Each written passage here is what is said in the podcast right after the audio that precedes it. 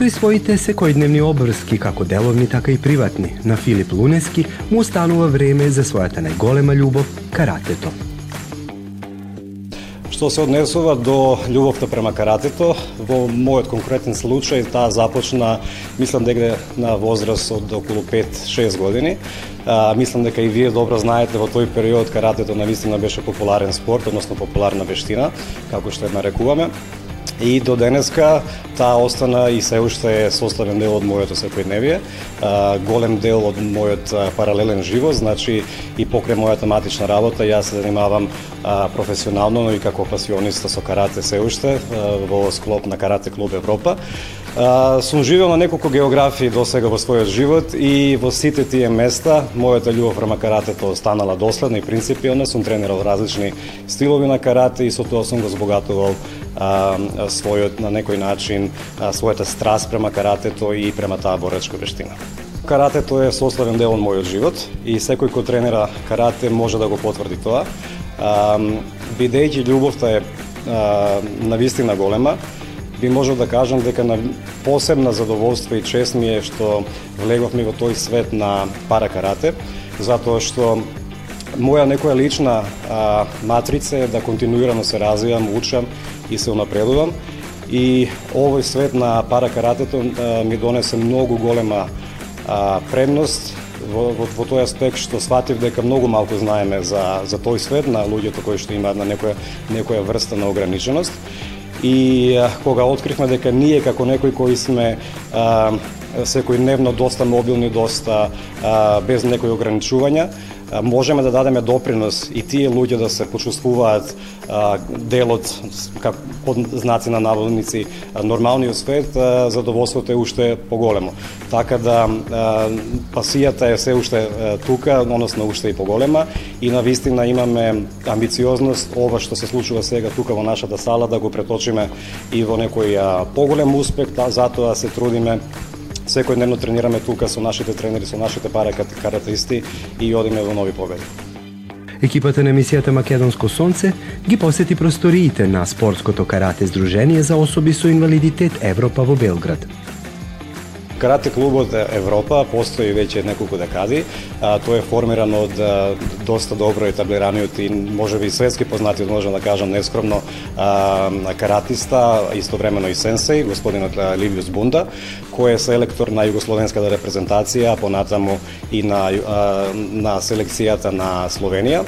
А, Сенсей Бунда веќе долго време се занимава со каратето а, и а, на некој спонтан начин покрај нели стандардниот а, стил на карате дојдовме до а, идеја да етаблираме и да почнеме да се занимаваме со нешто што комерцијално ние го нарекуваме пара карате, меѓутоа во формална во формални рамки тоа се нарекува спортско здружение на личности со инвалидитет.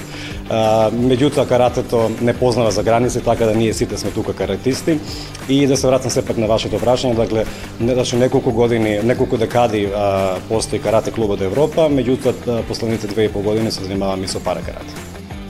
Членовите на оваа мощно успешно карате здружение секако може да се пофалат со многобројните награди и признанија кои ги имат освоено на разни надпревари.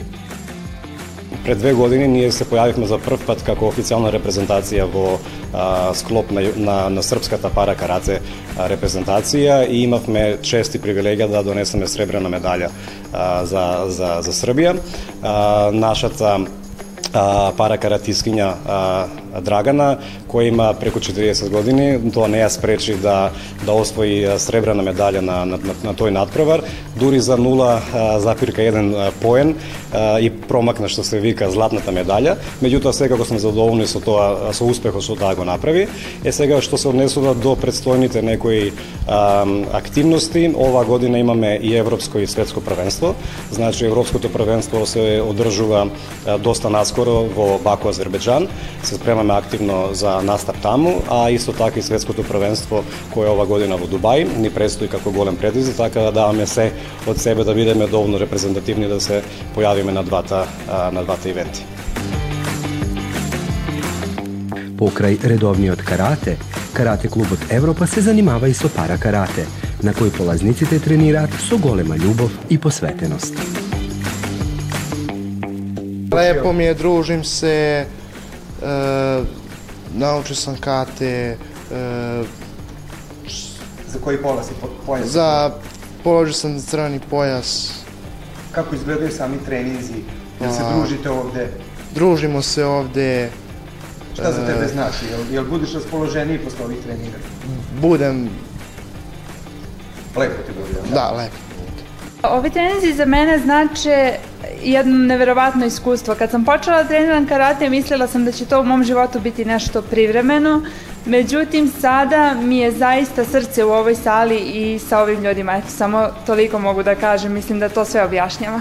Tuo se tiče ka late ja ja hoću da kažem da da sam super među njima i da želim da da na da napredujem ka late i i da budem najbolja karate kao vi karate što se bavim.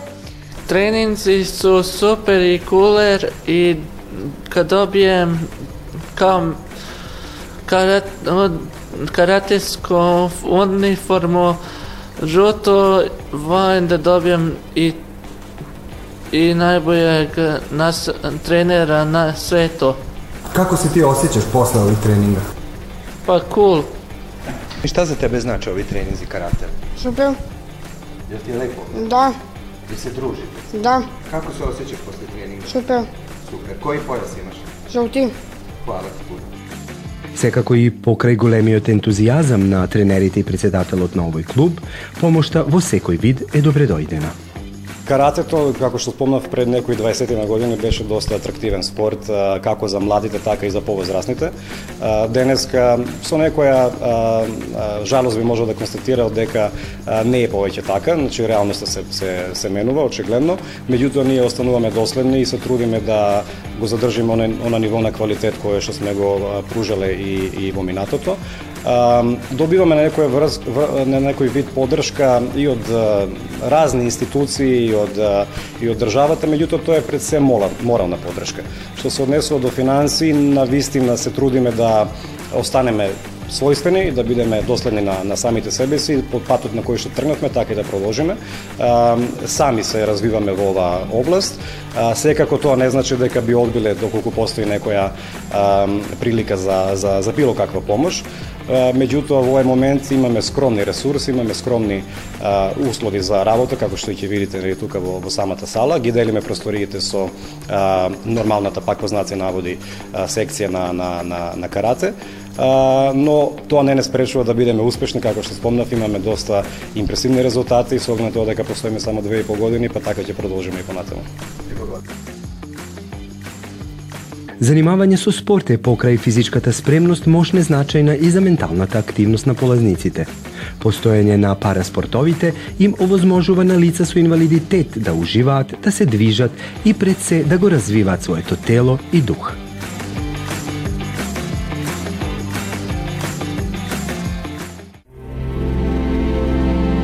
Gledate paletu. Izbor iz emisija na jezicima nacionalnih zajednica.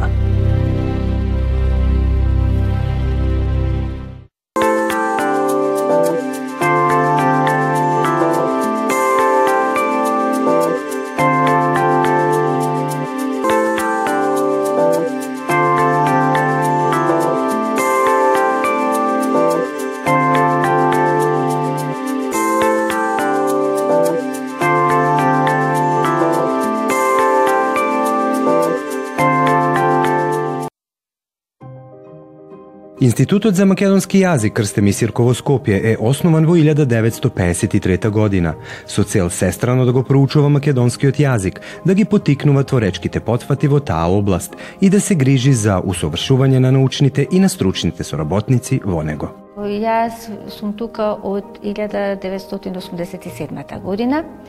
Ги поминав сите фази на научно созревање од помлад асистент до научен советник. Во моментов, значи, сум научен советник и е, нели со образовниот, според образовниот систем, редовен професор во Институтот за македонски јазик Крсте Бисерко во Скопје. Е, главно е, ако ме прашате за научниот профил, се занимавам за со, со современ македонски јазик. На почетокот бев учен во проектот Интенцијално синтаксички речник на македонските глаголи под раководство на научниот советник Благоја Корубин, кој што беше препознатлив по неговото јазично катче. Секако тој ни ја влеа таа љубов кон обработка на на речници, пред се на македонските глаголи и сметам дека тој речник потоа беше објавен па и награден, сметам дека тој речник е еден од многу важните речници не само за македонската македонистиката, туку и воопшто за лингвистиката. Затоа што такви речници, да речеме, секој од јазиците се обидуваат да направат, секој јазик се обидува да направи и овој речник, всушност преку тој речник се гледа структурата на македонската граматичка структура, нели преку изразувањето, преку анализата на македонските глаголи. Потоа учествував и на други проекти, нели бев вклучена и во малку и во толковниот речник на македонскиот јазик, се разбира под раководство на професорот Кирил Конески и на колешката професор доктор Снежана Велковска.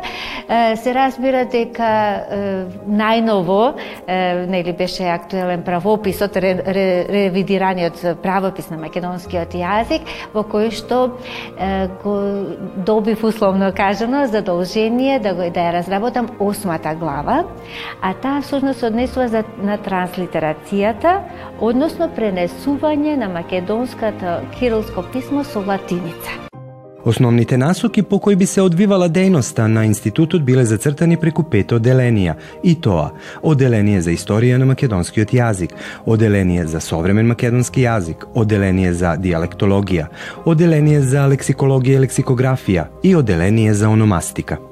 Познато е дека македонскиот јазик е, е, е основно е кирилското писмо, меѓутоа не само сега, туку и предходно, тоа е забележано нели во предходниот предходниот издание на правописот, имало потреба условно кажано, за пишување понекогаш на македонскиот јазик со латинични букви. Затоа значи, тоа го претворив во мое научно истражување и од тоа добив некаде околу 50 на страници. Го разгледував проблемот на, од секаков аспект, не само од лингвистички, туку и од социолингвистички и така натамо, дали на вистина имало или има потреба да се пишува со латиница. Затоа има пишувано и Благоја Корубин во предходното обштествено уредување, кога, да речеме, Република Македонија беше дел од Југословенската заедница и кога српско-хрватскиот јазик беше нели државен службен јазик на целата територија, тогаш на вистина и самиот Корубин пишува дека имало потреба, нели, некогаш да се да се пишува со латинични букви, да речеме таблички, регистарски или пак не знам, од тој тип да речеме каде што има потреба, каде што се јава потреба и секако бидејќи во таа заедница југословенска заедница, значи комуникацијата меѓу српско-хрватскиот и македонскиот, нели, при релацијата имало потреба некогаш да се употреби и латиницата. Со таа идеја што што Благоја Курбин се залага за латинично писмо што ќе биде различно од српски, српскиот јазик, односно тогашниот српско-хрватски јазик, Почетоците на дејноста на институтот се насочени кон прибирање и обработка на лексичката граѓа, што придонесува за издавање на тритомниот речник на македонскиот јазик до 1966 година и подготовка на правописот на македонскиот литературен јазик до 1970 година од независноста па наваму се поставува прашањето дали сега е потребно, бидејќи да речеме сега сме независна нели држава, меѓутоа и тогаш и сега кажувам во поновиот период, значи постои постојано влијание од фирми, да речеме, кои што се напишане на латиница и сестрански називи, а сето тоа да речеме е во областа на економијата. Меѓутоа како и да е, нели, ако станува за некој брендиран производ и така натаму, значи има можност тоа да се регулира со други закони, законот за трговија и така натаму, за трговски односи како и веќе да беше точниот наслов, меѓутоа секогаш се води сметка тоа да биде нели во ограничена употреба и при тоа да има и напишано и на македонски, па потоа да биде и на другиот јазик, нели и со латинично писмо.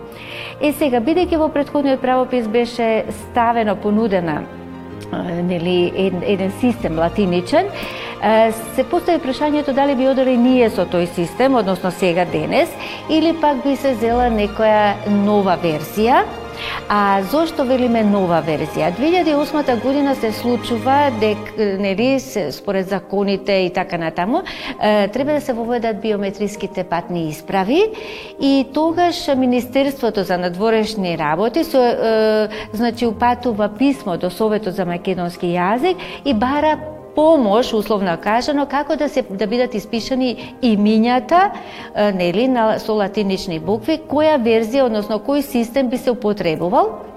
Тогаш Советот дава предлог со диграфи, односно предходно ако се употребува значи латинични букви особено за специфичните македонски гласови, значи буква со диакритичен знак, оние кукички што ги нарекуваме, сега советот дава предлог сето тоа да, да оди со диграфи, па на пример еве ќе ви кажам, ѓ македонско при изговор нели да се да биде напишано ГЈ, Ж на пример да биде напишано З и така натаму. Значи, за сите букви специфични во македонскиот јазик се даваат е, препораки со диграфи, освен за буквата Дж, каде што треба да се напише триграф. Како органи на институтот излегуваат списанијата македонски јазик и македонистика – Списанието македонски јазик почна да излегува во 1950 година, како билтен на катедра за јужнословенски јазици на Филолошкиот факултет, а од 1954 година како орган на институтот. Имам објавено повеќе книги, публикации и многу стати и да речеме реферати кои што се читани во зборници, па еве неколку би надбројала наслови, значи на почетокот се занимавав со синтакса, на македонскиот јазик и една од монографиите директниот и индиректниот објект по македонскиот јазик, една специфична тема која што е карактеристика на македонскиот јазик, особено ако станува збор за удвојувањето. Се разбира тука и, и книгата директниот и индиректниот објект во во авторските дела на 19 век, со оглед на фактот дека 19 век е многу важен за развојот на македонскиот македонскиот јазик. Понатамо еден период се занимавав со со законите, јазикот во законите, па така излезе и една публикација во рамките на тој да, условно кажано проект. Понатаму еден период подоцна се занимавам подолго време со стилистика, па така голем број публикации се веќе објавени како посебни трудови, а има имам подготвен еден и еден труд кој што чека за објавување се разбира. А кога станува збор за објавување, радува фактот што годинава со колешката Петрова Џамбазова добивме финансиска поддршка за да го објавиме индексот на антонимите во македонскиот јазик, а тоа е дел од нашиот проект Речник на антонимите во македонскиот јазик. Се надевам дека набрзо тоа ќе се публикува, бидејќи финансиите се тука и што би било голем прилог кон лексиката и лексикологијата воопшто, затоа што мислам дека секој јазик, па и српскиот, нели, и македонскиот, имаат, имаат потреба од таков вид на публикации, односно речници.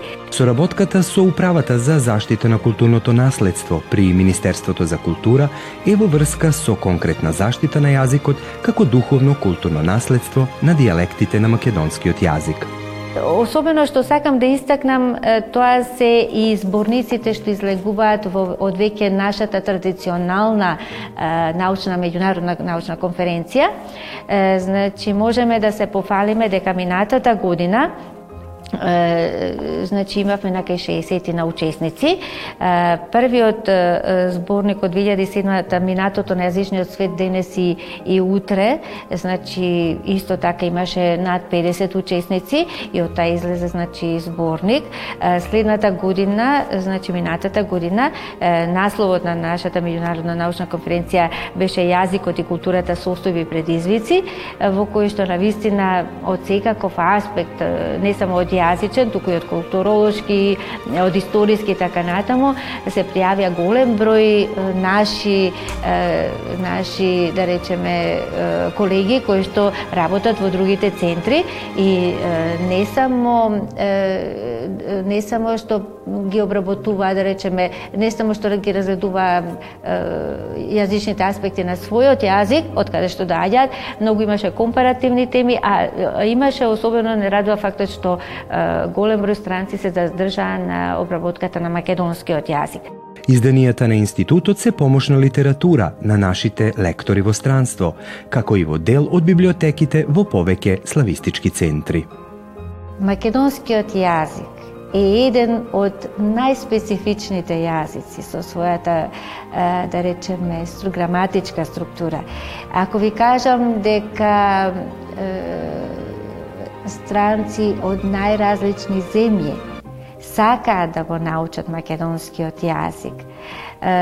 Ако ви кажам дека на семинарот за македонски јазик, литература и култура секоја година на летната школа доаѓаат студенти од Јужна Кореја, од Кина, од Австралија, од Америка, од сите пет континенти и пројавуваат интерес да го научат македонскиот јазик, без разлика дали имаат допирна точка со македонскиот јазик, односно повеќето од нив воопшто немаат допирна, сакам да кажам, немаат потекло никако македонско.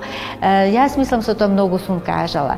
Македонскиот јазик со своите специфики привлекува, како од јазичен аспект за истражување истражување, а особено ако станува за мајчин јазик. Значи, велат, нели, колку јазици знаеш, толку си побогат. Меѓутоа, пред се треба си го знаеш и да си го цениш својот мајчиниот јазик. Без разлика на, значи, за кого станува збор, за кој народ. Значи, пред се треба да си го научиш добро својот јазик, зборувам добро во смисла граматички, значи во образовен редовен процес. Вие дома може би во семејството да се изборувате македонски.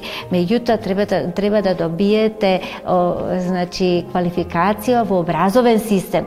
Е, е, не само јас си го знам македонскиот јазик, јас знам да зборувам македонски. Не е доволно тоа. А ако го научите вие својот јазик, односно ако научите ако совладате нормата, ако го научите, ако ја научите граматиката, тогаш секој нов јазик што ќе го учите ќе ви биде полесен не да одиме ние преку англискиот, преку германскиот, јас ќе го совладам германскиот или францускиот и така натам, или полскиот, ева словенските јазици, па ќе го учам својот.